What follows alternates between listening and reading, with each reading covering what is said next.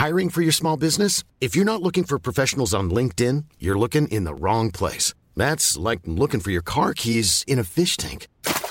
LinkedIn helps you hire professionals you can't find anywhere else, even those who aren't actively searching for a new job but might be open to the perfect role. In a given month, over 70% of LinkedIn users don't even visit other leading job sites. So start looking in the right place. With LinkedIn, you can hire professionals like a professional. Post your free job on linkedin.com slash people today.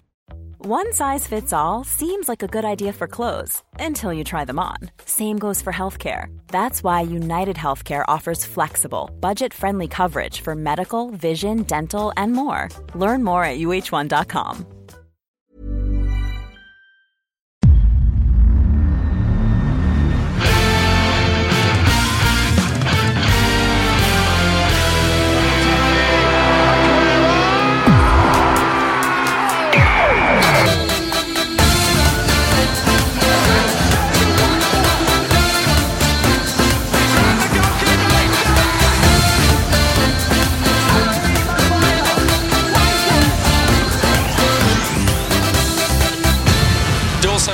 hjärtligt välkomna tillbaka till ett nytt avsnitt av Rule Britannia. Det är eh, torsdag den 8 februari. Det är eh, avsnittet efter det historiska 74 avsnittet eh, och hur har det känts Fabian de här dagarna när du har fått en hel vecka egentligen till att bara ja, men, mysa ner dig i gottigheterna kring uh, Uniteds seger, Liverpools förlust, surret runt omkring. Många som var glada på Twitter uh, tyckte jag när avsnittet kom ut här att jag äntligen skulle tryckas ner i någon misär kring uh, Liverpools insats på Emirates. Nej, men otroligt såklart. Det är många som har kommit fram på stan och frågat. Liksom, det, det är ett jävla studs i steget eh, eh och frågat vad det är med mig. Så jag har fått förklara och eh, nej, men de har tyckt att det är väldigt rimligt. Så ja, det har varit en bra vecka och eh, ska möta Villa på söndag. Villa med en tuff match mot Chelsea igår och eh, din spaning om att Villa är på väg neråt. Eh, nej, men det kanske blir... Fan, vi är på väg tillbaka nu Robin. Är du med eller? Ja, jag är, jag är redo att äh, åka med och jag, som sagt, vi, äh, jag tyckte vi var ändå ganska... Vi fick det från... Äh, jag, jag utgår från att det var någon Villa-supporter där äh, senast. Att, äh, han var ändå chockerad nästan att vi pratade så mycket Villa som vi gjorde och då gav vi dem väl ungefär två minuter efter äh, 5-0 mot Sheffield United. För han var ju ganska tydlig med att det där var ett Sheffield United som var helt under isen och det gick egentligen inte att göra någon bedömning alls på Aston Villas varken prestation där och eh, kanske då lite mer eh, långtgående form kring, eh, kring den insatsen. Utan det kanske vi fick istället lite svar på under gårdagen.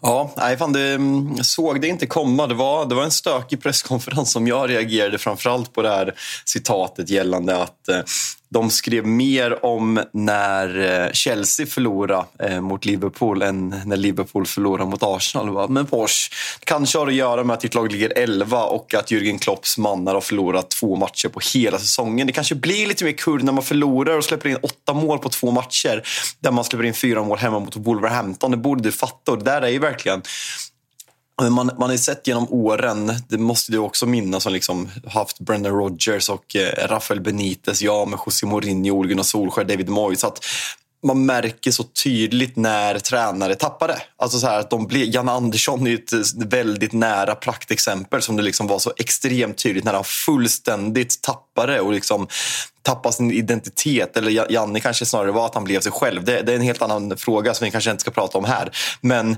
just de där grejerna att när en tränare fullständigt tappar det och blir så verklighetsfrånvänd som Porsche är i det där citatet så är det väldigt ofta början på slutet. Eller liksom att slutet är väldigt nära. Så därför blev det väldigt chockerande att Chelsea gör den insatsen man gör igår, måste jag ändå lov att säga. För det, det kändes som en enad front som liksom spelade för varandra och kanske en av säsongens bästa insatser som Porsche även säger efter matchen. Du vet att man, eh, man kan ju inte diskutera Jan Andersson och den här typen av eh, tränar, eh, jag menar, attitydsförändring från tränare utan att egentligen slänga sig i mordet stingslig. Det är ju det man blir när man blir Jan Anderssonsk. Det, jag vet inte, det måste vara det mest använda ordet i svensk fotbollsmedia under 2023 i alla fall. Fan vad alla skulle gå tillbaka till att ja, men man märkte redan efter Spanien borta där att det var, han började bli stingslig, Janne. Jag vet inte om det var det Posh var, men eh, det var absolut ett, eh, det var ett svårsmält, eh, inte bara citat kanske, men helt då stycke från den där presskonferensen där han försökte förklara att vi borde syna Liverpool på samma sätt som man synar och nagelfar Chelseas insatser. Jag vet inte vilken verklighet han lever i ifall han tycker att de två senaste veckornas insatser ska bedömas på samma sätt. Nej, alltså det, det, finns så många roliga. David Moyes har en klassisk. Han har ju två klassiker på sin korta tid i Manchester United. Den ena är ju We aspire to be like Manchester City, vilket han rent krasst fick rätt i. Men då kände man ju liksom inte att vi borde säga så med tanke på att vi vann ligan med typ 12 poäng för fem, fem månader innan. Sen sa han ju en klassisk också. We need to improve in passing, shooting and pressing and defending. det Alltså, och jag, har, jag har väl redan sagt den i denna podden också, men det är även som när Roy Hodgson efter att vi åker ut mot eh, Northampton i ligacupen, någon av de första, och sen radar väl upp tre, fyra ligaförluster och så säger han inte ens Liverpool är stora nog för att inte riskera att åka ur Premier League. Då, då känner man att ah, det här blir en lång säsong. Det var det alltså ett år sedan ungefär vi utmanade Manchester United om att vinna ligatiteln med eh, Rafa Benitez. Men äh, det är klart att det finns några speciella tränare där ute. Uh, Pochettino har ju även fått uh, hantera lite, uh, lite wags som har varit i farten. Framförallt uh, Thiago Silvas. Uh, hon uh, är hon den liksom, mest lösa kanon vi har där Thomas Müllers fru brukar väl ibland ge sig in i det där uh, Bayern omklädningsrummet i alla fall med tycke och tankar också. Men hängde du med på Bell Silva och vad hon tyckte om Pochettino efter 4-2 mot Wolverhampton? Alltså jag har inte huvudet vad hon sa, men du får rätta mig om jag har fel. Gick inte hon ut med något liknande i slutet av Graham Potters turné? Man kan ju Alltså, nu när man sitter utanför och inte håller på Chelsea tycker man att det är ganska roligt. Men liksom hade en, spel, hade en spelarfru till en i sin Hade Maja Nilsson Lindelöf gått ut så där mot Erik Ten Hag hade jag såklart stöttat det just nu. Ja, det hade ju varit superuppfriskt. Då hade du slutat ditt gräv kring geotaggingen direkt och bara ja, tagit rygg på henne. Ja, Rakt ner i Maja-båten. Ja, verkligen. Ja, jag, jag, jag är Maja, jag gillar Maja. Men eh, det, det hade såklart piggat upp. Nej, men fan. När man är, han är väl... Har han bind? Nej, Conor Gallagher har haft binden när Reece James har varit borta. Men han känns ändå liksom som en, en ledare i det där laget. Fan. Borde han inte ha lite mer pli på en? Nej, men alltså, om, om någon har missat så, så körde hon ju ut på, på Twitter. Och jag, jag vill vara tydlig där. Vi, vi, vi kommer alltid säga Twitter. Vi, vi ska inte gå till att säga X. Jag, jag, jag känner att vi någon Nej, vi gång har vi Twitter. gjort... Där alltså, är gubbar, alla, boomer, vi, allt. Man, man vet vad Twitter är, så är det bara. Eh, och, eh, nej, men hon körde ju efter matchen, it's time to change. If you wait any longer, it will be too late. Um, ganska tydlig passning till att eh, Pochettinos dagar borde vara räknade i eh, Kungsblott enligt eh, henne i alla fall. Va?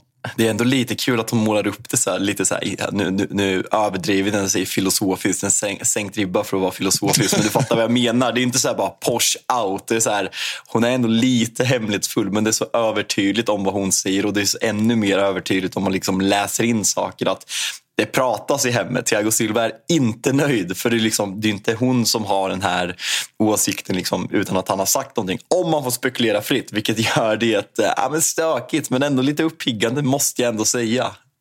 Thiago Silva inte i startelvan mot äh, Aston Villa igår. Äh, har väl ändå varit typ äh, men, den mest kanske självskrivna. Där, där är väl typ som du nämnde en Gallagher och eventuellt en Cole Palmer emot. Men är det en direkt eh, konsekvens av eh, att Bell har varit ute och svingat? Nej, men det kan det nog vara. Alltså, jag vet inte. Alltså, dels är det väl en ganska perfekt timing om man får uttrycka det så att Thiago Silva har varit väldigt svag den här säsongen, tycker jag. Jag ser nu att han har startat eh, eh alla matcher utom eh, två i ligan. Spelat alla matcher utom eh, Eh, ja, men han, han, har spelat alla matcher utan en, en, en från bänken. Och jag tror att vi pratade om det ganska tidigt i den här, i den här podden, eh, Slinda. Att jag, jag är skeptisk till Thiago Silva. Liksom, han har åren och liksom jätterespekt för hans karriär. Men i en fyrbackslinje som, liksom, som Chelsea ofta har spelat den här säsongen så liksom, jag, jag, ser det inte. Han är inte tillräckligt rörlig. Liksom, I en fembackslinje blir han mer, mer försvarad kontra vad han har blivit den här säsongen. Och Chelsea har även släppt in... Alltså, man har haft perioder när man har gjort det skapligt defensivt men annars tycker jag att man har släppt till väldigt mycket chanser. Och eh, Jag tycker att man såg bättre ut direkt här. Eh, mer rörliga och eh, ungdomliga framför allt kommer in i eh, 81 minuten. Eh, sista 10 minuterna, vad tror du resultatet blir där? 1-0 Aston Villa. Uppförsbacke för Thiago Silva just nu i alla fall. Det är ju medvetet av Porsche. Han har sagt till hela laget att nu släpper vi in det så den här jäveln ska få se. ska, liksom, nu ska vi skicka till Bell här. Nu ska hon få se. Det, det, är din man som är problemet och inte jag. Jag är egentligen ett jävla taktiskt mastermind, så passa dig. Men eh, jag tycker ju, eh, som du var inne på, eh, om, det, om det kanske var Chelseas bästa insats, det, det kanske Chelsea-sportarna själv, men det var ju med eh, i alla fall det man kan hoppas på som eh, supporter i såna här tider när det testas och eh, när resultaten från förra veckan var vad de var och eh, när då snacket runt laget har varit som det har varit så var det ju faktiskt en karaktärsuppvisning. Trots allt har ju varit mycket snack i veckan också kring Enzo Fernandes han sitter ju på det här otroliga jävla, vad är det, åtta och ett halvt år kvar, det är väl till sommaren eh, 2032. Alltså helt sinnessjukt när man skulle försöka ta in det, hur långt kontrakt han sitter på. Men att det började pratas om att eh, han har eh, gått till sin agent och vill titta på lösningar för hur man skulle kunna bryta det här i förtid och så vidare. Men som sagt, karaktär karaktärs eh, i alla fall från Chelsea som visar till de eh, tillresta supportrarna också att man i alla fall har någon form av heder att spela för och eh, dessutom får man utväxling med, med mål och resultat här under matchen också. Ja, nej, men det blir alltså det, det viktiga. Alltså Chelsea har gjort ganska bra insats den här säsongen. Det har vi sagt och jag har liksom på något sätt försvarat Pochettino stundtals att med, liksom, med argumentet att de underliggande siffrorna är bra mycket bättre än exempelvis Manchester United. Men samtidigt, man kan inte göra en sån här vinst för att sen backa upp det med att spela ganska dåligt i ligan. Då har man ett, ganska, man har ett väldigt tufft schema. När jag kollade Pallas borta, det är City borta, det är Spurs hemma och sen väntar en ligacupfinal mot Liverpool efter det. Jag såg nu att Chelsea-matchen, eh, Tottenham-matchen var uppskjuten. Eh, så den spelas inte, det är den som skulle ha spelats när ligacupen finalen spelas, debatten ligger kvar i schemat. Eh, så det, är de tre eh, ganska tuffa matcherna som, som väntar. Så det gäller liksom att, oh, sen har man Newcastle borta, Newcastle hemma och Arsenal borta innan match är slut. Så det är, det är ganska tufft schema för Chelsea kommande tiden. Så det gäller liksom att komma igång och studsa igång nu. För eh, nej, fan, man kan inte hålla på och ligga 11. Det blir verkligen att man blir som ett skämt. Och speciellt med alla värvningar man har gjort. Det, det, det är en svår situation och eh, Pochettino är, eh, som jag var inne på, det syns att han är pressad. Så det gäller att, eh, att studsa tillbaka nu och i alla fall få acceptabla resultat med början Pallas, Pallas borta i veckan. Eh, Pallas utan Olysé såg jag borta två månader igen och det där är väl en sak om vi bara liksom smyger över till Pallas och Olysé som ryktas till väldigt mycket stora klubbar, bland annat Manchester United. Det där är väl en Alltså det där är en sak, att han fortsätter vara skadad så mycket, är en sak som kommer skrämma folk att spendera så där mycket pengar. Eh, och han är väldigt viktig för Crystal Palace framtid i den här serien med tanke på hur, vilken skillnad det är på lagen när framförallt han och Eze är på planen. Ja, nej, men och det var vi ju inne på förra alltså Det är ju ett, ett, käll, eller vad säger, ett Crystal Palace som egentligen i någon form av eh, grundkapacitet kanske eh, till, till 100 procent är en nedflyttningskandidat. Men så finns det då ändå de här två, tre spelarna som har en X-faktor och eh, en kvalitet som är från en högre låda. Sen, sen är det väl då alltså, lite liknande symptom hos Etze att det är ju skadehistorik och eventuell skadeprognos framåt som, som gör att eventuella större klubbar drar öronen till sig lite och är lite försiktiga vad gäller en approach mot de här spelarna. Och eh, det är väl någonstans det som kan, kan rädda Crystal Palace. Det, det hade varit jävligt surt för Olise och Esse om man inte får se dem växla ut i större klubbar. Jag tror väl ändå de har de flyttarna i sig. Men eh, det är ju klart att det är ett problem. Vi hade väl, är det Sheffield United de hade för typ två veckor sedan, då är båda tillbaka och sen är redan båda out igen. Eh, in och ut i den där startelvan och ibland så är det helt out som i Olises fall här eller så är det bara en tre, fyra dagar efter en match så behöver de vilas och kan bara göra korta inhopp. Så det är klart att det är fysiska ja, problemspelare är väl att, eh, att överdriva. Men, eh, men det är klart att det, det är ju kanske alltså, eh, det, det, det klassiska uttrycket då, blessing in disguise för Crystal Palace att de får behålla dem på grund av detta. Men det, det är ju inte, det är inte hållbart. Jag tror ändå de kommer få sina flyttar. Och jag, ja, jag dömde ut Crystal Palace till nästa säsong och den, den tanken kommer jag nog inte förändra närmsta tiden. Men om man kollar på Chelsea nu, alltså kollar man skadelistan. Det är liksom Fofana, ah, Lavia ska in där också, Kukureya, Louis Colwell, Reece James. Alltså den är, alltså, den, missförstå mig rätt när jag säger att den är lång, men den är inte så här jättelång. Alltså kolla startelvan man har spelat med de senaste matcherna. Det är Sterling, det är Conor Gallagher, det är Cole Palmer, det är liksom eh, Niklas Jackson. Backlinjen är ja, men Disasi, det är Gusto. Det, alltså, vart fan är alla spenderade miljarder? Nej men alltså tittar du, tittar du truppen igår, uh, jag, jag, tyckte han fick, uh, han fick faktiskt att fungera ganska bra i omställning. Nu spelar han ju Cole Palmer centralt offensivt, Madueke och Niklas Jackson på varsin kant och sen kan de alltid det, är ingen, det, är ingen el, det är ingen elva som ska konkurrera om ligatitlar. De har ju spenderat fan 10 miljarder nästan. Nej, jag vet. Det nej, alltså, vart är alla pengar? Ja, på, på innermittfältet bland annat. Där har du 2,5 ja. miljarder i både, både Enzo Fernandes och Moises Caicedo. Och sen har du en miljard lite drygt nästan i en eh, Mudryk som sitter kvar på bänken. Sterling, Nkunku, det är väl 600-700 eh, miljoner vardera på dem eller någonting. Och de, de hoppar ju in här. Men, men tittar du på så sätt på truppen att kunna slänga in en Sterling, slänga in en Nkunku, ha kvar en Mudryk på bänken. Vi kan ju tycka vad vi vill om dem som fotbollsspelare, men det är, det är ju trots allt namn och prislappar som har kommit med förväntansbilder. Så de, och det, och det är ju där någonstans man väl, alltså även om man då kan tycka att vissa saker ser ut att vara rätt så hade man väl kanske förväntat sig, eller det är väl det som är problemet, det är att man hade förväntat sig bra mycket mer med tanke på vilka spelare som faktiskt finns i den här truppen. Det är ju klart att möjligheterna, men sen tycker jag att mitt eh, försvaret är ju ett problem nu. Som sagt, nu ställer man över Thiago Silva och då är det Badiashile och Disasi jag tycker inte det är bra nog. Även när Thiago Silva spelar så tycker jag vi har sett under säsongen att han inte är riktigt redo för att spela den fotboll som Pochettino egentligen vill. Och nu är ju problemet här att Badiashile och Dissasi är ju ganska nyligen inplockade de med. Men man hade ju antagligen behövt bygga om hela den där backlinjen. Och så har man planerat lite utifrån Reece James och viktig han ska vara i någon form av eh, wingbacks-roll, någon treback, femback som ska kunna utvecklas och ut, eh, eller användas på olika sätt. Men han är ju, ja, om vi pratar S-Olyssé så är ju Reece James i en helt egen kategori vad gäller skådeförmåga. Ja, ja, ja, men så är det ju. Så uh, det, det, är väl att de aldrig någonsin får någon form av längre period med ungefär samma elva. Det känns ju som att det kastas om varje jävla vecka egentligen. Eh, och eh, det, det, har vi väl sett för att det brukar ju aldrig vara vägvinnande.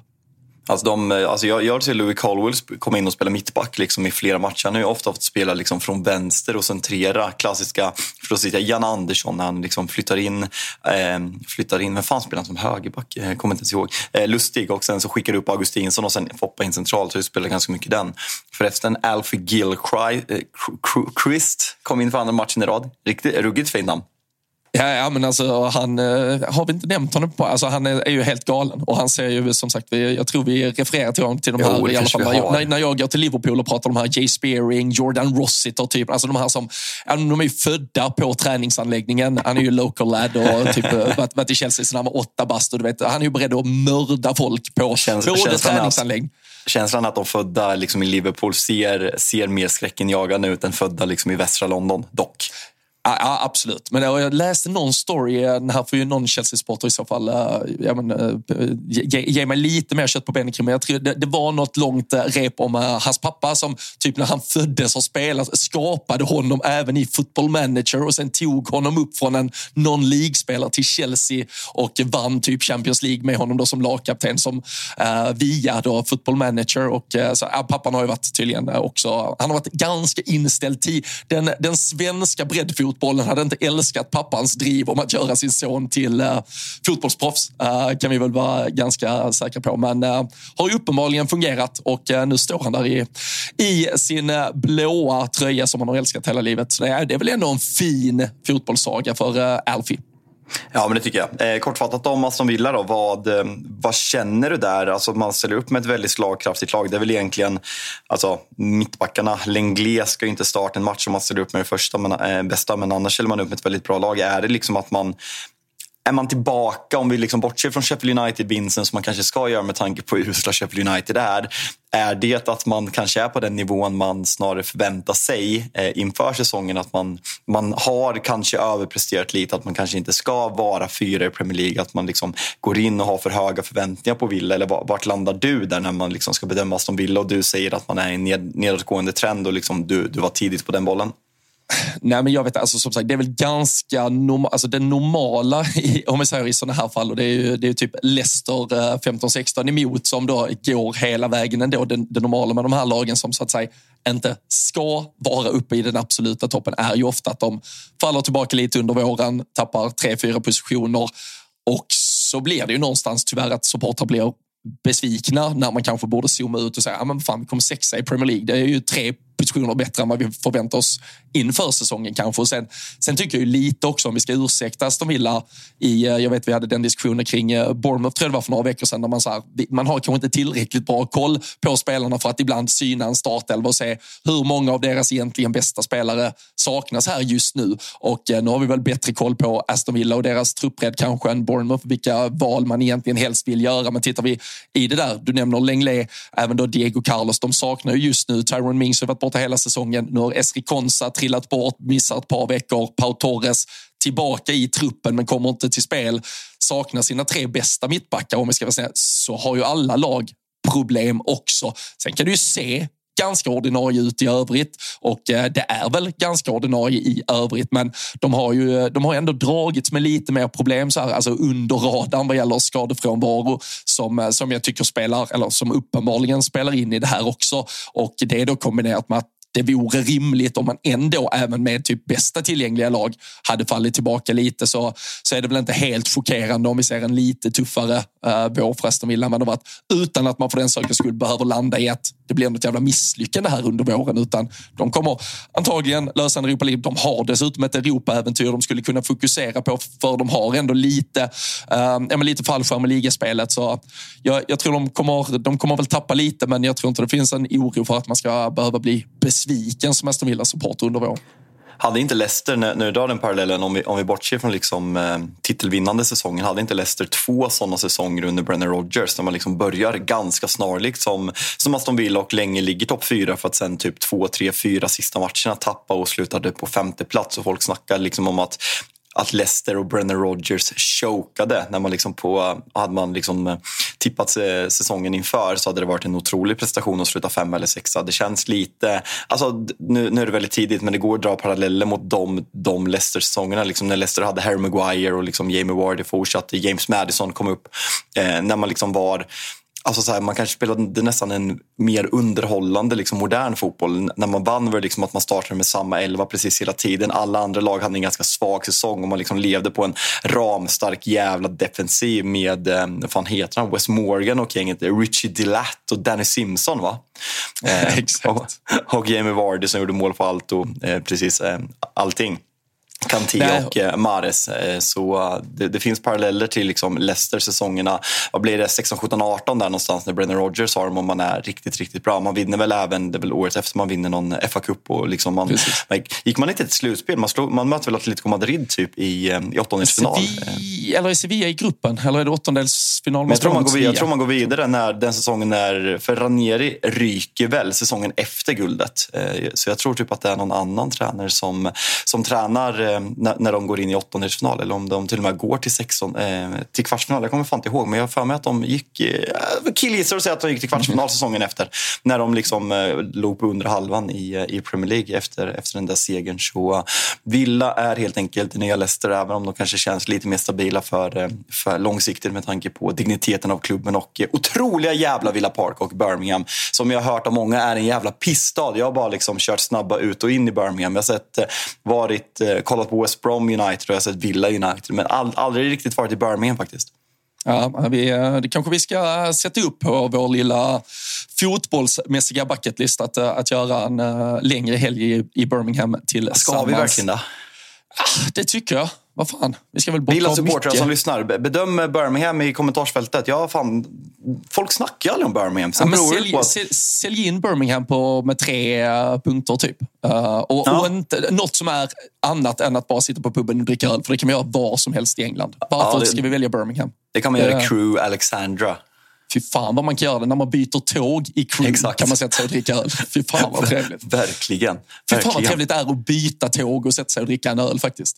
Det ska ja, jag börja göra oftare. Ja, ja, ja. verkligen. Det, det, är så här, man, man blir negativ om man ser att det är långa tågbyten. Men ska vi bara omfamna långa tågbyten, framförallt på de brittiska öarna. Man får liksom sätta sig, gå in på den lokala. Och där är det faktiskt många som åker. Det är så här, men, man åker med svenska polare, man pratar bara med svenska. Jo, men det är för att man är i London, du är i Manchester. Liksom. Jag kommer ihåg någon gång när jag såg jag såg FC United och det är en bit utanför Manchester.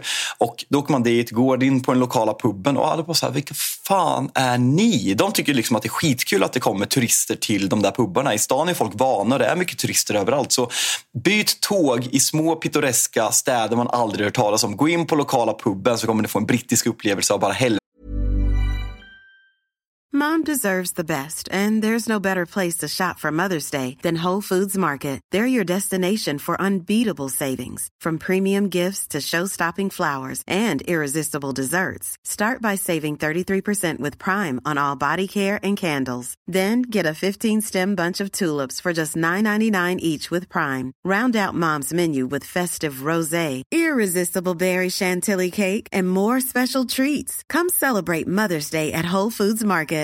One size fits all seems like a good idea for clothes until you try them on. Same goes for healthcare. That's why United Healthcare offers flexible, budget friendly coverage for medical, vision, dental, and more. Learn more at uh1.com. Hey there, it's Michelle Norris. I'm host of a podcast called Your Mama's Kitchen. When I travel, I'm usually looking for a way to find a taste of home when I'm not at home. And one of the things I love to do when I am at home is entertain. And Airbnb allows me to do that. When I was in California recently, I rented a house that had a great kitchen. And when we were sitting around the table, we were all thinking, we're in someone else's house. Someone could be in all of our homes as well. If you have a home, but you're not always at home, you have an Airbnb. Your home might be worth more than you think. Find out how much at airbnb.com slash host. Vette. Ja, verkligen. Det, det, skickar vi med. Vi bjuder på den alldeles gratis. Det är sånt man äh, får av Rule Britannia. Jag, äh, jag vill bara ta en sak innan vi lämnar Birmingham och Villa Park. För vi nämnde Enzo Fernandes och spekulationerna i veckan. Ett jävla frisparksmål. En, eh, jag tycker en, en jävla insats. Eh, vi har ifrågasatt det där mittfältet och det finns väl all fog att fortsätta göra det när vi tittar på helhetsbilden över säsongen. Men eh, just jag tycker ändå han blir symbolspelare för någonstans det här att där faktiskt finns lite karaktär kvar i laget. Att det finns någon form av, om det är tro på Pochettino, att man vill spela för honom eller man vill i alla fall spela för tröjan för supportrarna eller för sin egen heder. Jag skiter nästan i vilken form av heder det är man vill spela för. Men det fanns någonting man ville spela för. Jag tyckte Enzo Fernandes eh, var den som personifierade frisparksmålet. Det är helt jävla briljant. Sen måste han dock, ifall han nu vill göra snygga frisparksmål och eh, planera för målgester, han ska ta av sig sin tröja tröja och eh, visa upp den mot publiken. Han får nog träna på det lite på träningsanläggningen. Han lyckades inte få av sig tröjan, få den rätt och liksom visa upp Enzo nummer åtta, utan det blev eh, firande nere i hörnflaggan och sen fick Niklas Jackson plocka upp tröjan, visa upp hela budskapet. Eh, det, ska, ska, man göra det där så måste man göra det bättre, eh, helt enkelt. Men det känns inte som att Enzo Fernandes kanske eh, tränar på att ta av sig tröjan skitofta. Jag vet inte, men äh, hans fotbollsmässiga insats den var, den var fem plus igår i alla fall. Gällande målgester, Garnachos, den här bilden som förhoppningsvis kommer bli klassisk om 15 år när vi summerar Garnacho, Kobe Mino och Rasmus Höjlunds United-karriärer. När de sätter sig på reklamskylten.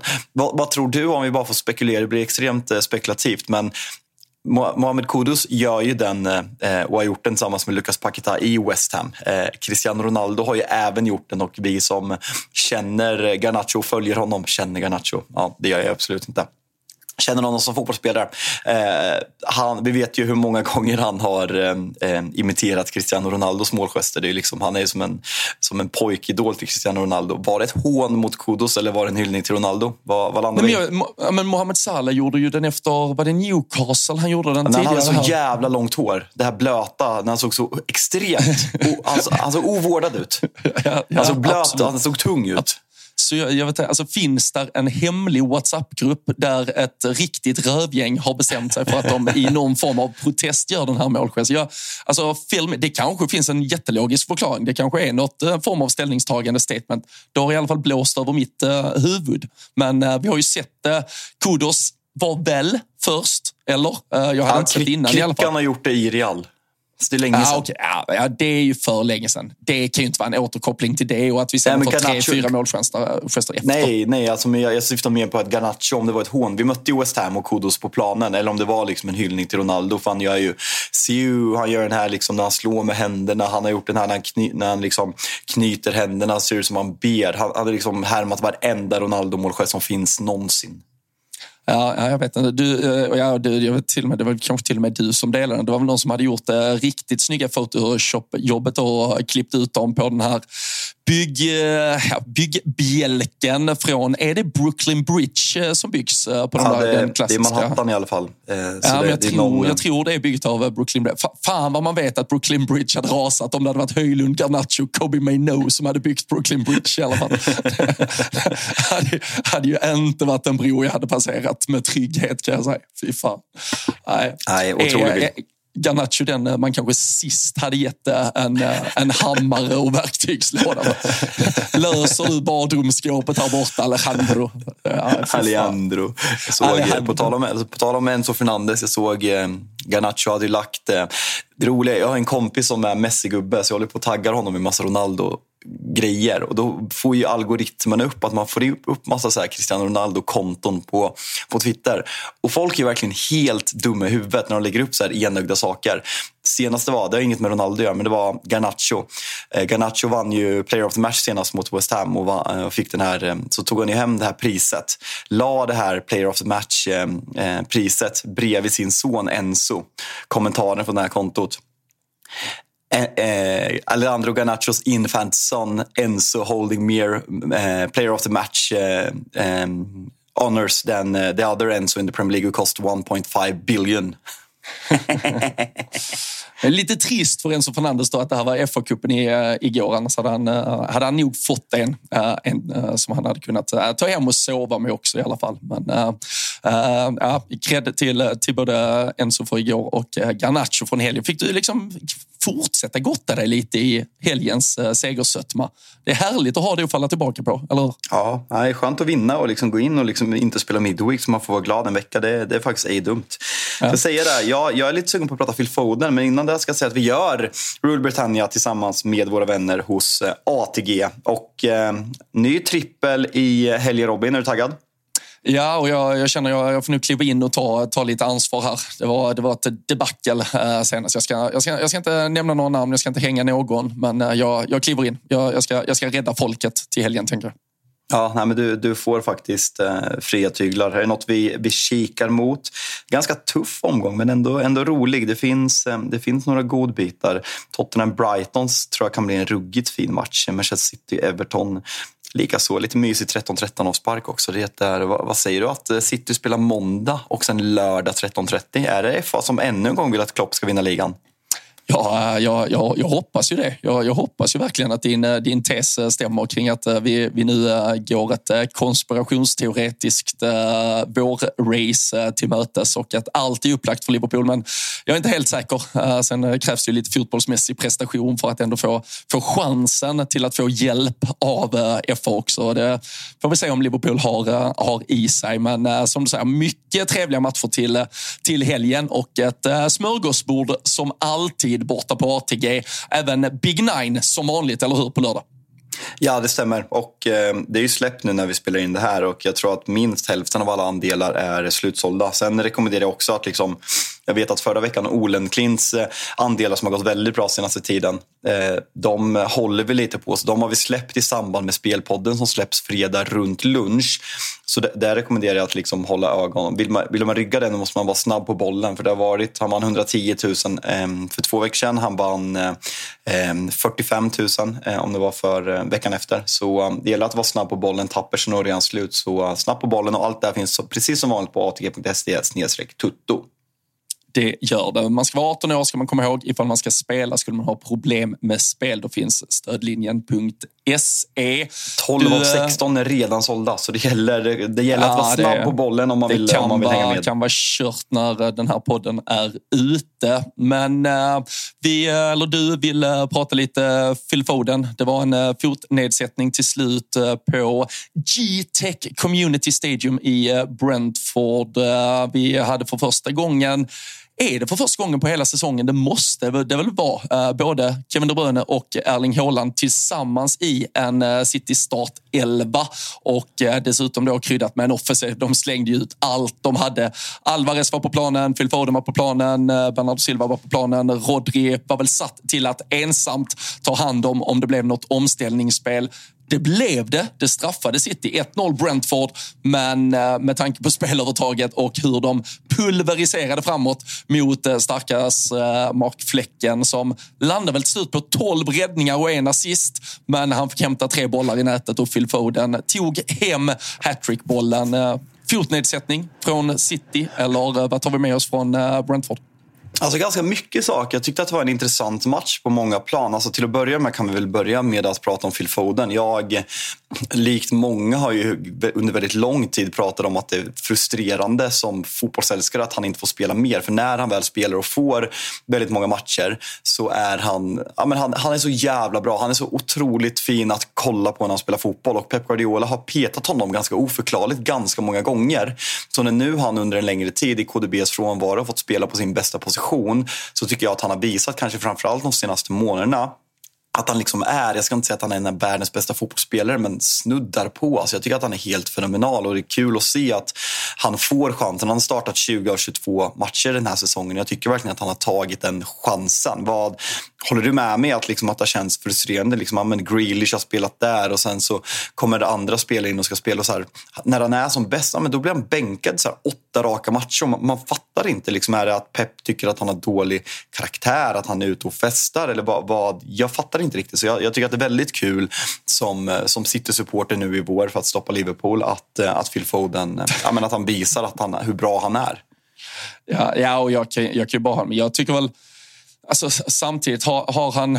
Ja, det, det, var ju någon säsong, det var någon period där, som du är inne på, där det blev eh, sju, åtta matcher åt sidan och då var man väl lite frågande till vad, vad är det här och finns det någon form av schism och är det någonting där de sitter på tvären mot varandra, Pep Guardiola och Phil Foden? Annars så är han väl bara en, ja, men en bricka i det otroliga offensiva utbud som, eh, som de ändå eh, ja, men förfogar över och eh, möjligheterna de har. Och som du säger, jag tycker han har visat den här säsongen då med tanke på att Håland och KDB inte har varit tillgängliga och åtminstone inte tillgängliga samtidigt så, så har han ju någonstans fått vara lite garanten för att det ändå har hänt någonting offensivt tillsammans med Julian Alvarez som kanske har varit den som har satt dit ett par bollar fler. Men alltså när de nu kommer till spel med alla de här tre, KDB, Håland, Foden tillsammans. Det är, det, det, det, är svårt att se hur Manchester City inte vinner i alla fall 15 av eh, kvarvarande 16 matcher.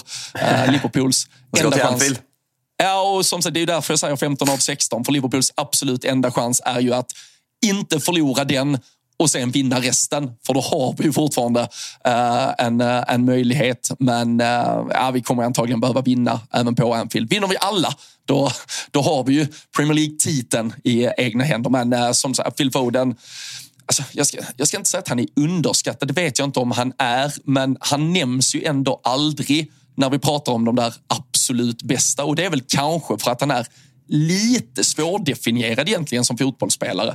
Vad är det han är bäst på? Vilken position är han egentligen bäst på? I ett Manchester City-lag så har du ju dock fördelen, lite Bernardo Silva-syndromet om vi kallar det det, att det räcker att du bara är en otrolig fotbollsspelare så kommer positionering ge sig självt lite där ute för du kommer få de fria tyglarna så länge laget ja, spelar den fotbollen de gör. Så alltså, i en vår där, där City verkar trumma på och alltså när man såg deras startelva, när vi såg deras bänk. Nu hade de ju i stort sett allt tillgängligt här i måndags. Helvete Kom, vilket lag det är de har. Kommer du ihåg inför säsongen när folk pratade om att det var bredden inte så bra eh, när de sålde Cole Palmer. Sen såg man den här bänken, det är helt otroligt. Men gällande det där säger med Phil Foden, han känns verkligen som en City-spelare. Alltså så här, när jag plockade ut Englands eh, startelva till, eh, till EM i sommar så är Phil Foden given kanske till eh, till, till vänster i, i den elvan istället för Marcus Rashford och Cole Palmer och sen Saka till höger. Men kollar du på liksom historiska, kanske framförallt EM på hemmaplan. Eh, VM kommer inte ihåg så mycket hur det gick för Phil Foden men EM på hemmaplan när han liksom färgade håret som Paul Gascoigne han var väldigt bra där. Och jag liksom såg det som givet att han skulle spela men han var i slutet av, av, av mästerskapet petad av eh, Mason Mount där. Och jag har haft en frustration att, att Gary Southgate aldrig riktigt har fått ut någonting av Phil Foden och det har väl lite att göra med att han är en väldigt City-präglad och liksom en, den spelfilosofin präglad spelare med, medan Gare Southgate är mer, liksom, om, om vi hårdrar liksom, ligg lågt och var väldigt starka på, på, på offensiva omställningar. Och där har ju Phil Foden inte riktigt haft en plats och liksom slagit ut i Englands landslag. Så det ska bli kul att se om man kan ta med sig den här formen in, hur, hur England kommer formera laget och hur Phil Foden startar matchen. Såg du förresten Rodri, eh, obesegrad i ett år nu. Jag tror att det var 55 eller 52 matcher. Alltså, jag tycker att han är världens bästa fotbollsspelare. Jag, jag, alltså, så här, det, det, är helt otroligt hur viktig han är för det här laget. Ja, och, eh, och, och framförallt när vi, eh, när vi då eh, listade spelarna de väljer att skicka ut offensivt här under, under måndagskvällen. Då, det var ju någon form av den gamla klassiska 4-1-4-1 där, där alla förutom Rodri fick gå fram hur mycket de ville egentligen. Så det var ju fem stycken ganska lössläppta offensiva pjäser som ja, man kunde göra positionsbyten och, och drifta lite in och ut hur de ville. Och att då ha en spelare som Rodri stående där bak och eh, dammsuga egentligen allting. Det, det är en sån satans lyx och, och dessutom det jag tycker han har kanske, jag ska inte säga om han har adderat det, det, det kanske finns fog för att han har haft det alltid i sitt spel. En sån här match som den mot eh, Brentford när man som Liverpool-supporter i alla fall, få, jag, jag, fick absolut aldrig upp något hopp och det, det, vet du, det har du bevis på att jag skrev ganska tidigt att City kommer att köra över dem. Men, men då känner man också att Rodri dessutom har den där utslagsgivande faktorn i sig. Det kan mycket väl vara han som kliver fram med ett distansskott eller vinner en duell i straffområdet eller lägger den där öppnande passningen tidigt. Så, så i alla de här aspekterna där man kanske pratar om honom som någon form av bara defensivt ankare och att han är lite städgumma när övrig ja, men, övrigt mittfält och framåt går fram konstant så har han ju dessutom alltså, offensiva kvaliteter. Även om han utför dem kanske från en lite lägre sittande position. Men både offensivt och defensivt så, så är han ju alltså, Och pratar vi det här City-kompatibla spelare, smarta fotbollsspelare så vet jag inte om någon har ja, bättre fotbolls-IQ än Rodri där ute just nu. Alltså han har ju, om det är de två senaste säsongerna, eh, så har han avgjort väldigt många matcher. Det är väl någon match mot Arsenal när han liksom tar av sig tröjan i slutet och avgör. Förra säsongen är det flera i ligan, det är Champions League-finalen. Han har någon i början av den här säsongen som där säger, det känns som att han har lagt till liksom en, ett hot offensivt. Sen Alltså så här, jag, jag, tror att du och jag kollar liksom ganska annorlunda. Jag vet själv liksom när, man, när, man, när man är med i en titelstrid och man kollar på sina rivaler och liksom känns att de kommer vinna där. Det finns inte en chans. Men jag tycker ändå att man ska höja ett varningens finger. City är såklart helt överlägsen den här matchen och skapar jättemycket. Men jag tycker fortfarande att man släpper till väldigt mycket farliga chanser i omställningarna. När man ställer upp med en offensiv. Och liksom backlinjen, jag såg nu, man har hållit en nolla de senaste tolv matcherna och det var det på något sätt som gjorde att City gick ifrån Arsenal förra året. Att man slutade släppa in mål. City vet vi historiskt sett att det kommer vissa plumpar när man släpper in mål för att man liksom, alla matcher lyckas ju inte göra ett eller två mål. Så jag tycker liksom att det här är ett problem. Jag tror att det är jätteviktigt att få in John Stones i, i den här elvan. För jag tycker att han, han är deras eh, bästa mittback. Och liksom när man kan sätta upp honom på mittfältet i en inverterad mittbacksroll så tycker jag att det gör jättemycket för spelet. Sen, sen ska vi också ha, ha med oss att Brentford är erkänt starka mot topplag. Framförallt på hemmaplan och liksom är livsfarliga i, i omställningsspelet. Och det tycker jag märks när även Tony är tillbaka här. Men just den här grejen att City måste börja hålla nollor för annars tror jag att det kommer bli jobbigt. Alltså kollar man på Arsenal så, så tycker jag liksom att det är ett helt annat kollektivt försvarsspel som är liksom mycket bättre. Liverpool nu, nu gör ju Liverpool ett mål på en eh, ganska slumpartad situation i söndags mot Arsenal men när vi var och kollade på, på Etihad sitter ju ganska överlägsna den matchen men ändå släpper man ju till ett flertal chanser. Jag ser inte Arsenal göra det och det är något som Arsenal har lärt sig från förra året och City måste hitta in i det här spelet igen. Och det är lite konstigt, man, liksom, man har ju behållit de viktiga spelarna med Kyle Walker, Ruben Diaz, eh, John Stones, eh, Nathan Ake och eh, Akanji och sen även tagit in, hjälp mig med namnet jag kommer inte på just nu. Vardiol. Tack. Ja, men liksom en av uppsnackade som en av världens bästa mittbackar liksom, som gjorde succé med Kroatien i, i VM. Satt honom på någon luddig vänsterbacksplats där man liksom sett till förväntningarna, en besvikelse får man ändå säga. Ehm, så City måste täppa igen eh, defensivt, annars tror jag att man eh, kommer tappa poäng. Ja, och det kan jag ju gå till Liverpool. Vi, vi hade ju perioder där vi, det, det kändes som att vi var, varje vecka låg under med 1-0 efter sju minuter för att vi inte var mm. påkopplade defensivt. Det, det, det tar jävligt mycket kraft att vända fotbollsmatcher hela tiden. För det krävs trots allt, från det läget krävs ju trots allt två mål för att ens vara i ledning. När du har gjort två mål så är fortfarande motståndarlaget, även om det är ett Burnley, Luton eller Fulham eller vem det än är, så är de ju bara ett mål. De är bara en hörna, en billig frispark ifrån att kvittera också. Så det, det, det är ju som du säger, det, det, är väl absolut det som skulle eventuellt tala emot City. Det är ju att de slarvar och släpper till de här chanserna. Och uh, Neil Mopay får vi väl ändå nämna lite av en följetong senaste veckorna. Fem, fem mål, fem matcher i rad. Eller ett mål per match då alltså. Är inte lite, Så, är inte lite tråkigt Robin? spelarna. Är inte lite tråkigt att han inte gick ner och körde den här mediterande Håland-målgesten när han gjorde mål? Oh, jo, det är klart han skulle. Eller att Foden... Det hade varit askul. Jag har inte sett, eh, var detta något nytt Foden hade lagt till sig? Den här eh, lilla Robbie Keane-kulsprutan eller har han kört eh, den tidigare? Nej, han körde ju den alla gånger. Här. Ja, jag, tänkte, fan, jag såg matchen men jag tänkte inte ens på det. Nej, jag, jag, jag, jag, Killen hånade dig när du gjorde mål. Ja, ja, exakt. Du var upptagen, missa firandena på att bara trycka till. Men äh, det hade varit fint annars om det hade varit att äh, Mopé kom, kom in i slutet och typ kvitterade och körde lilla kulsprutan på Phil Foden istället. Det hade, hade varit mopejskt att äh, göra så. Eh, ska säga det, fan det glömde jag säga förra veckans avsnitt. Vi hade Pontus Jansson med oss i eh, Deadline Day-sändningen som vi hade väldigt trevligt i förra torsdagen. Då frågade jag Ponne om vad han tyckte om Maupace mot, eh, mot Tottenham och han, han, sa ju att han, han gillar Maupace som person men att det där var, jag ska inte citera fel, men han, han var inte jättenöjd med, med det där liksom att du, du tänder igång en hel bortaarena genom att göra sådär. Att det, att det troligtvis var en stor del av varför Tottenham kom ut så hungriga till, till andra halvlek. Så Ponne var inte nöjd med Maupace. Han hade hade satt ner foten om han hade varit kvar som kapten, sa han i omklädningsrummet där. Liten Englandskoppling lyckas jag nog ändå få in i den här nyheten som Disco skriver ut nu under tiden vi spelar in. Jon Dahl Tomasson som alltså lämnar Blackburn och Jens Gustafsson är SVFFs slutkandidater till att bli ny svensk förbundskapten. Någon av duon väntas erbjudas förbundskaptenjobbet inom kort. Tankar? Eh, jag känner mig stingslig för att prata förbundskaptensspråk. Fy fan vad deppigt. Nej, det, ja, nej, det var mina tankar. Dina tankar? Alltså jag, jag är extremt ointresserad av landslaget alltså så här i stort. Jag tycker att det är kul när man går till mästerskap. Resten skiter jag lite i. Men Nej, fy fan. Eh, Jens Gustafsson eh, har jag haft nära mig när han tränade i IFK Norrköping. Och, eh, nej, jag ska inte säga vad jag tycker om honom. Det är inte väldigt positivt. Han eh, har svårt att föra en konversation med en människa. Och eh, Jon Tomasson, ja, det är väl vinnarkultur som ni säger nere i Malmö, va? Ja, ja, men så är det ju. Det, men, det, men det sitter ju i väggarna. Så det behöver man inte ens komma med själv. Är inte han en Janne eller? Alltså en, en dansk Janne?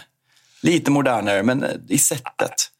Och han är ju inte, jag, jag, vet inte vem av, eller i och för sig nu, nu stod de här då mot varandra, alltså då ska det väl kompletteras för det, det är väl inget, alltså Jon Dahl Tomasson kan jag ju inte minnas som ett eh, medialt geni i alla fall av, av det han gjorde i, i Malmö FF och uh, det verkar väl vara lite knorr kring honom i Bur uh, Birmingham, uh, nej inte Birmingham, Blackburn. Blackburn, ja precis, just nu också. Jag vet inte vad han har, han har väl gjort klart att han lämnar, alltså åtminstone till sommaren, sen vet jag inte om det kan skyndas på, alltså det är väl inte kanske han som sitter på det beslutet med tanke på att det har gått lite sämre för dem på senare tid också.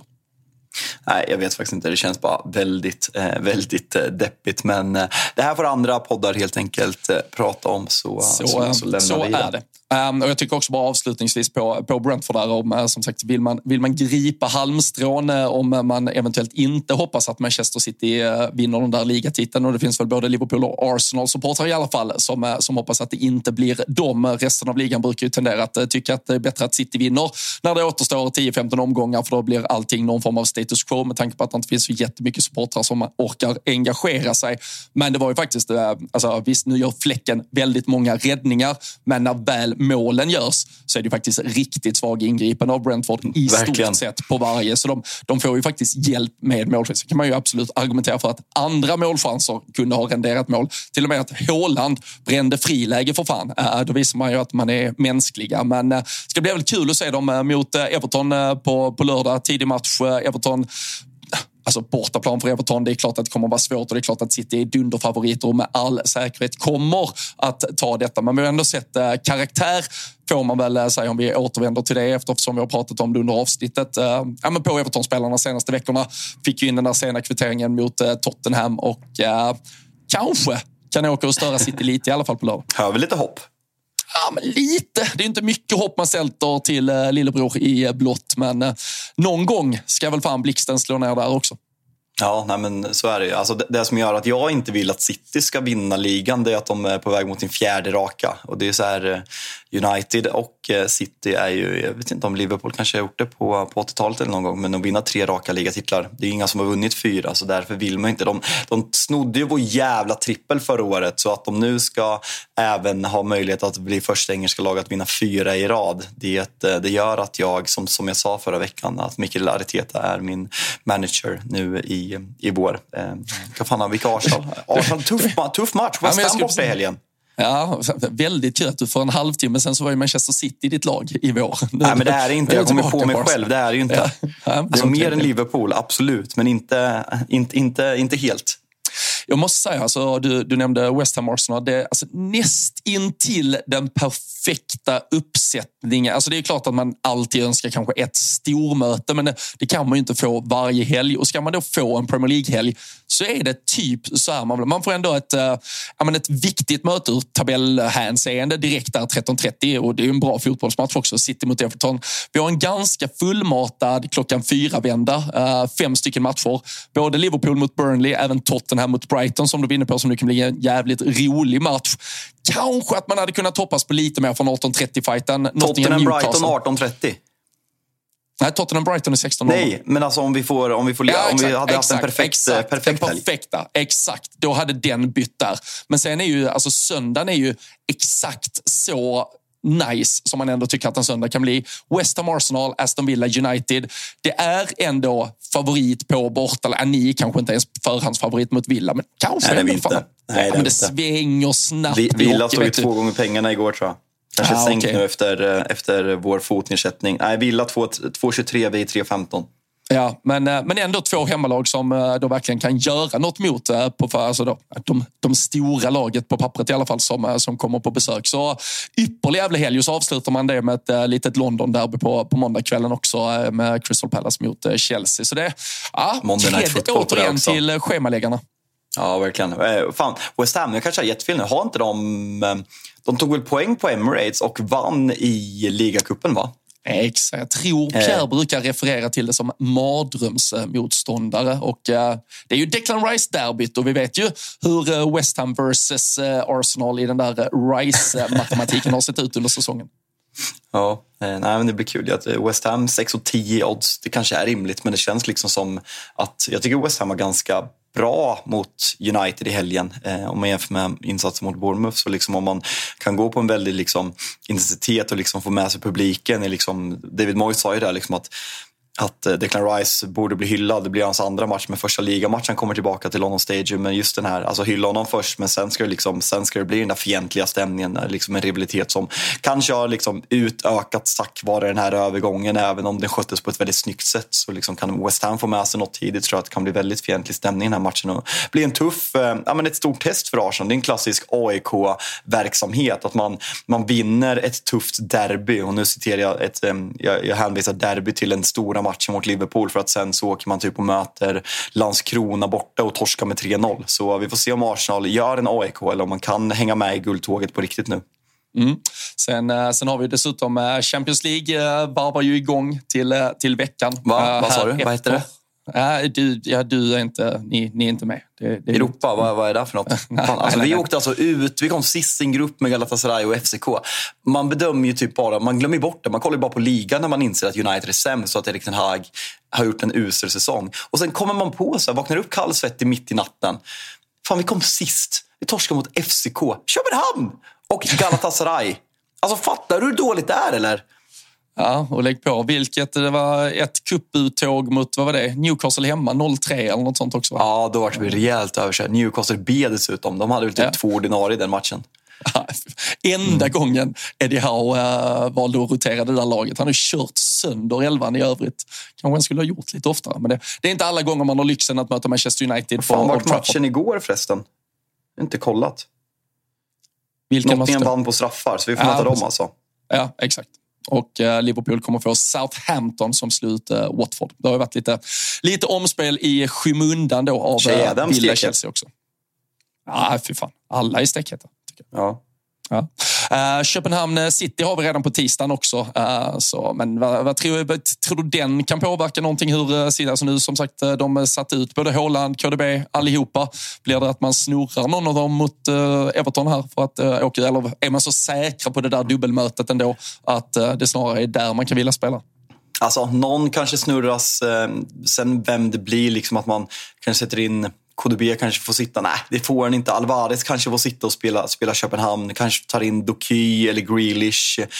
Jag vet inte. Eller om Haaland bilas. Nej, jag... jag vilka, alltså, vilka FCK, problem, FCK vilka problem han har Pep när han eventuellt ja. måste slänga på Doky eller ja. Grealish eller någon sån jävel istället. Det, det, det är fan hemskt. Ja, Liverpool av, vilka ska in i fantasy? Burnley hemma och sen dubbelomgång. Eh, jag sitter på Nunes och eh, Trent. Frågan är om jag ska ja. göra plats åt eh, Diogo Jota eller om jag ska invänta lite besked kring Mohamed Salahs skadefrånvaro. Och är något eventuella... sagt där eller? Har han sagt något mer? Nej, alltså när, när Klopp pratade i alltså förra veckan så dömde han ju bara ut medverkan i Chelsea Arsenal och Mohamed Salah han lägger ju upp varje dag på Instagram hur han både kör passen på träningsanläggningen och sen så är det ju nattgnugget eh, hemma i eh, gymmet också. Det, det är få spelare jag litar på sköter sin rehabilitering. Alltså, när du ser bilderna på Mohamed Salah och bilderna på Neymar, hur han bearbetar sin knäskada, så är det lite, det är lite olika skallar vi har att jobba med. Eh, såklart väldigt olika förutsättningar kring skadorna också. Men Mohamed Salah litar jag jävligt mycket på att han sköter det här med bravur. Så skulle kunna, man får nog fan hålla utkik här eh, fredag när det är presskonferensdags eh, kring eh, Mohamed Salahs status. Hade ju varit ett jävligt välkommet tillskott de här matcherna som väntar. Väldigt tacksam. Vad har ni? ni? Ni har Burnley, ni har Luton och Brentford eller vad är det? Ja, och sen Nottingham i någon vända. Det blir så efter cupfinalen innan vi sen har Brentford City. borta. Är väl ganska tufft. Tidig lördagsmatch. Mm, såklart att den ligger tidigt lördag också. Va? Är det vårt hundrade möte 13.30 ungefär. Ja, men ni, men, ni har äh, ingen midweek så ni kan inte klaga den här gången. Nej, vi har ju både ja, spelledigt nu veckan som var och spelledigt eh, den som kommer sen tror jag.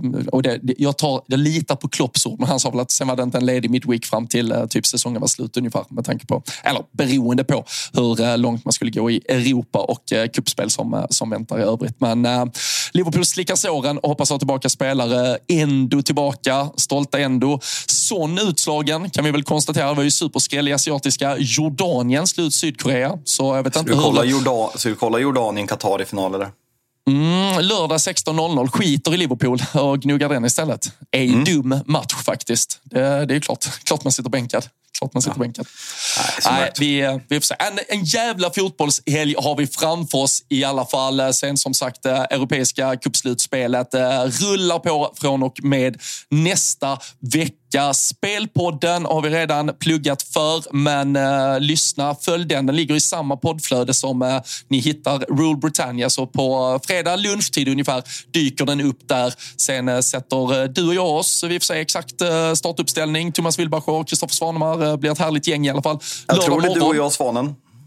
Låter som ett äh, jävligt... Ska vi diskutera Klopp och ranka honom? Topp fem? Alltså, kanske är dags att du och Svanen ska få prata Klopp i sändning.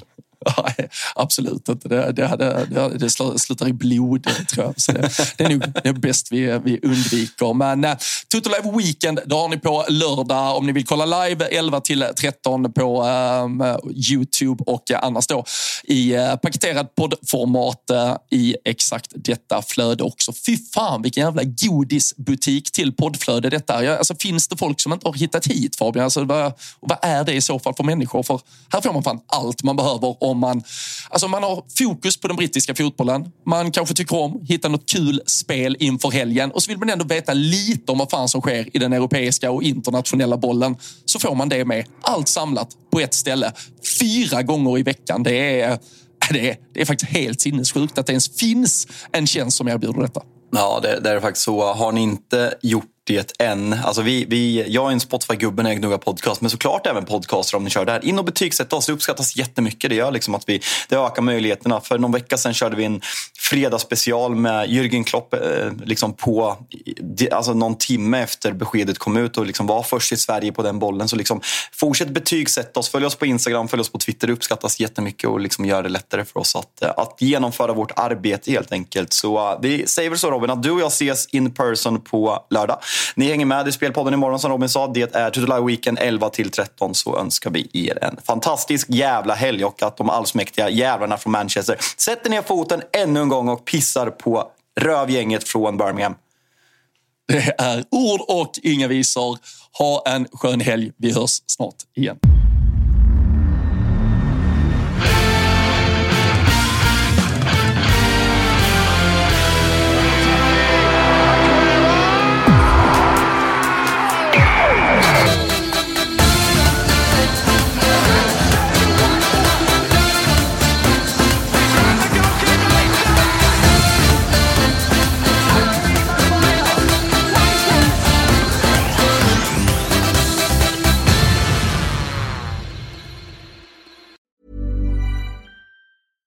Mom deserves the best, and there's no better place to shop for Mother's Day than Whole Foods Market. They're your destination for unbeatable savings, from premium gifts to show-stopping flowers and irresistible desserts. Start by saving 33% with Prime on all body care and candles. Then get a 15-stem bunch of tulips for just $9.99 each with Prime. Round out Mom's menu with festive rosé, irresistible berry chantilly cake, and more special treats. Come celebrate Mother's Day at Whole Foods Market. Mom deserves the best, and there's no better place to shop for Mother's Day than Whole Foods Market. They're your destination for unbeatable savings, from premium gifts to show-stopping flowers and irresistible desserts. Start by saving 33% with Prime on all body care and candles. Then get a 15-stem bunch of tulips for just $9.99 each with Prime. Round out Mom's menu with festive rosé, irresistible berry chantilly cake, and more special treats. Come celebrate Mother's Day at Whole Foods Market.